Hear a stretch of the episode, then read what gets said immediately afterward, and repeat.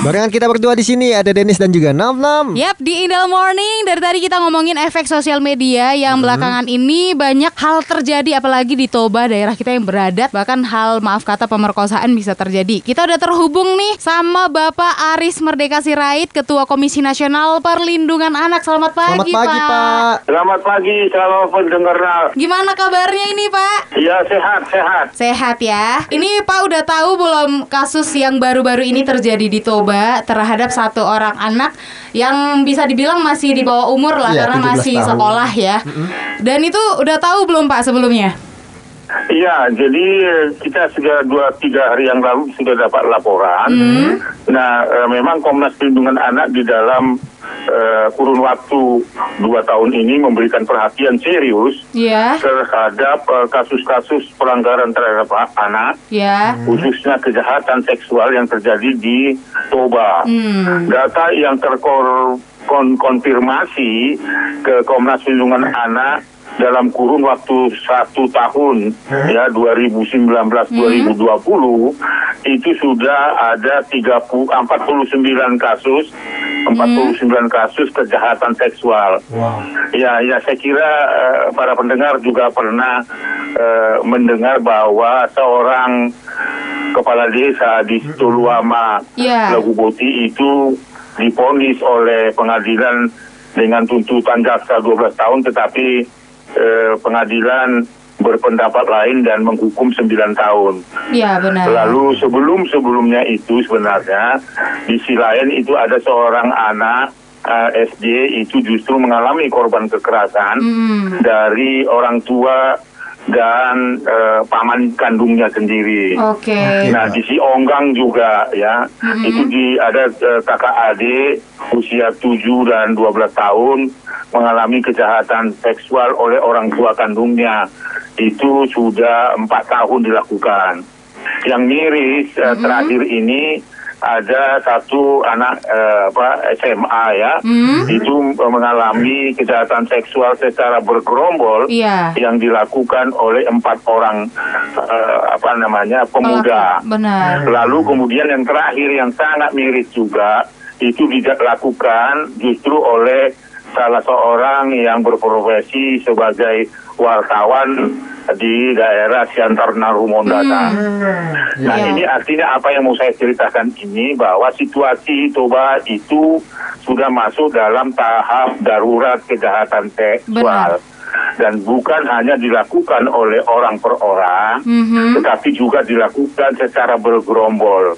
Inilah yang terjadi terakhir ini ada empat orang mm-hmm. melakukan secara bersama-sama kejahatan seksual terhadap seorang putri umur 17 tahun. Iya. Jadi miris sekali sebenarnya bahwa Toba sebenarnya adalah daerah religius. Hmm. Di setiap gang, di mulut gang, di tempat mana pun ada gereja, ada rumah ibadah. Benar. Setiap hari ada uh, acara-acara adat Dalian Natolu. Hmm. Benar, Ya, lalu kemudian setiap malam ada kebaktian-kebaktian di rumah-rumah. Hmm. Tetapi ternyata justru kejahatan terhadap anak itu meningkat justru dilakukan oleh orang terdekat. Ya, Inilah ya. yang menurut saya menjadi tantangan uh, ke depan apa yang bisa kita lakukan oleh orang muda, oleh tokoh masyarakat, alim ulama, uh, para pendeta, uh, lalu kemudian juga media, masyarakat dan seterusnya. Saya kira bagaimana sekarang bahu membahu memutus mata rantai kejahatan kejahatan yang terjadi di Toba begitu. Ya benar. Berarti 49 tadi itu hanya di Toba untuk saat ini ya Pak ya? Iya, itu terkonfirmasi di Polres uh, Toba karena kami selalu kerjasama dengan penyidik di Polres. Ya. Jadi data yang saya sebut itu yang terlaporkan ke ke, ke polisi itu artinya terkonfirmasi hmm. dan memang sebagian uh, masih belum diputus oleh pengadilan.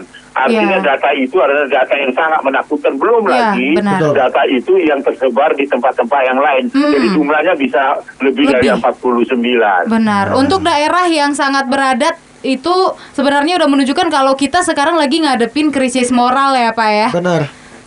Saya kira tepat ya. Jadi kalau saya kait-kaitkan tadi itu adalah sebenarnya kan peran eh, gereja, lembaga agama Ya. itu kan menjadi garda terdepan. Benar. Benar, Pak. Lalu kemudian eh, kita punya prinsip-prinsip dari Natolu untuk saling menghormati. Tetapi pelakunya justru adalah orang-orang yang ada di Jadian Natolu itu. Mudah-mudahannya melakukan kejahatan terhadap eh, apa eh, eh, berenya dan Uh-uh. seterusnya dan seterusnya. Jadi artinya situasi Toba ini adalah dalam tidak berlebihan kalau saya eh, dua tiga hari ini menyikapi kasus kejahatan seksual yang dilakukan secara bergerombol oleh empat pemuda itu Mhm. bahwa Toba saat ini eh, berada dalam situasi darurat kejahatan Ya. eh, seksual. Sangat Artinya bahwa geng rape atau kejahatan seksual bergerombol terulang lagi di Toba, tetapi eh, sangat sepi orang mau eh, menolong dan Ya. memberikan perhatian terhadap ini. Nah, pihak kepolisian dibiarkan begitu saja.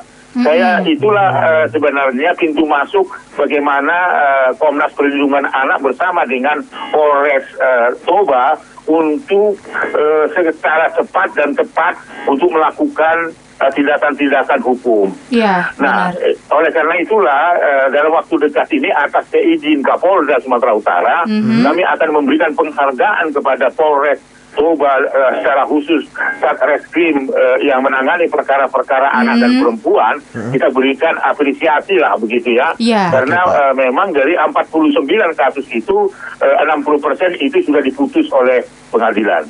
Oke, nah apa yang ada yang mau disampaikan nggak nih oh, sama Bapak Aris tentang kalau sekarang kan kejahatan seksual ataupun kejahatan lainnya sekarang udah makin tambah karena dari sosial media nih Pak. Apa yang mau disampaikan sama anak-anak muda sekarang biar terjauh Iya, dari iya. kasus Saya ini? kira eh, sekarang ini kan sedang viral dan menjadi di berita seorang yang terduga eh, artis eh, Iya, Indonesia GA, Iya, iya, Pak. inisial GA itu Benar. eh, memproduksi eh, apa namanya membuat tayangan pornografi lalu kemudian diambil oleh eh, eh, anak remaja Hmm. dan disiarkan dan ini menjadi viral dan ini cukup berbahaya karena itu dikonsumsi oleh anak-anak. Jadi media sosial harus digunakan secara sehat dan cerdas.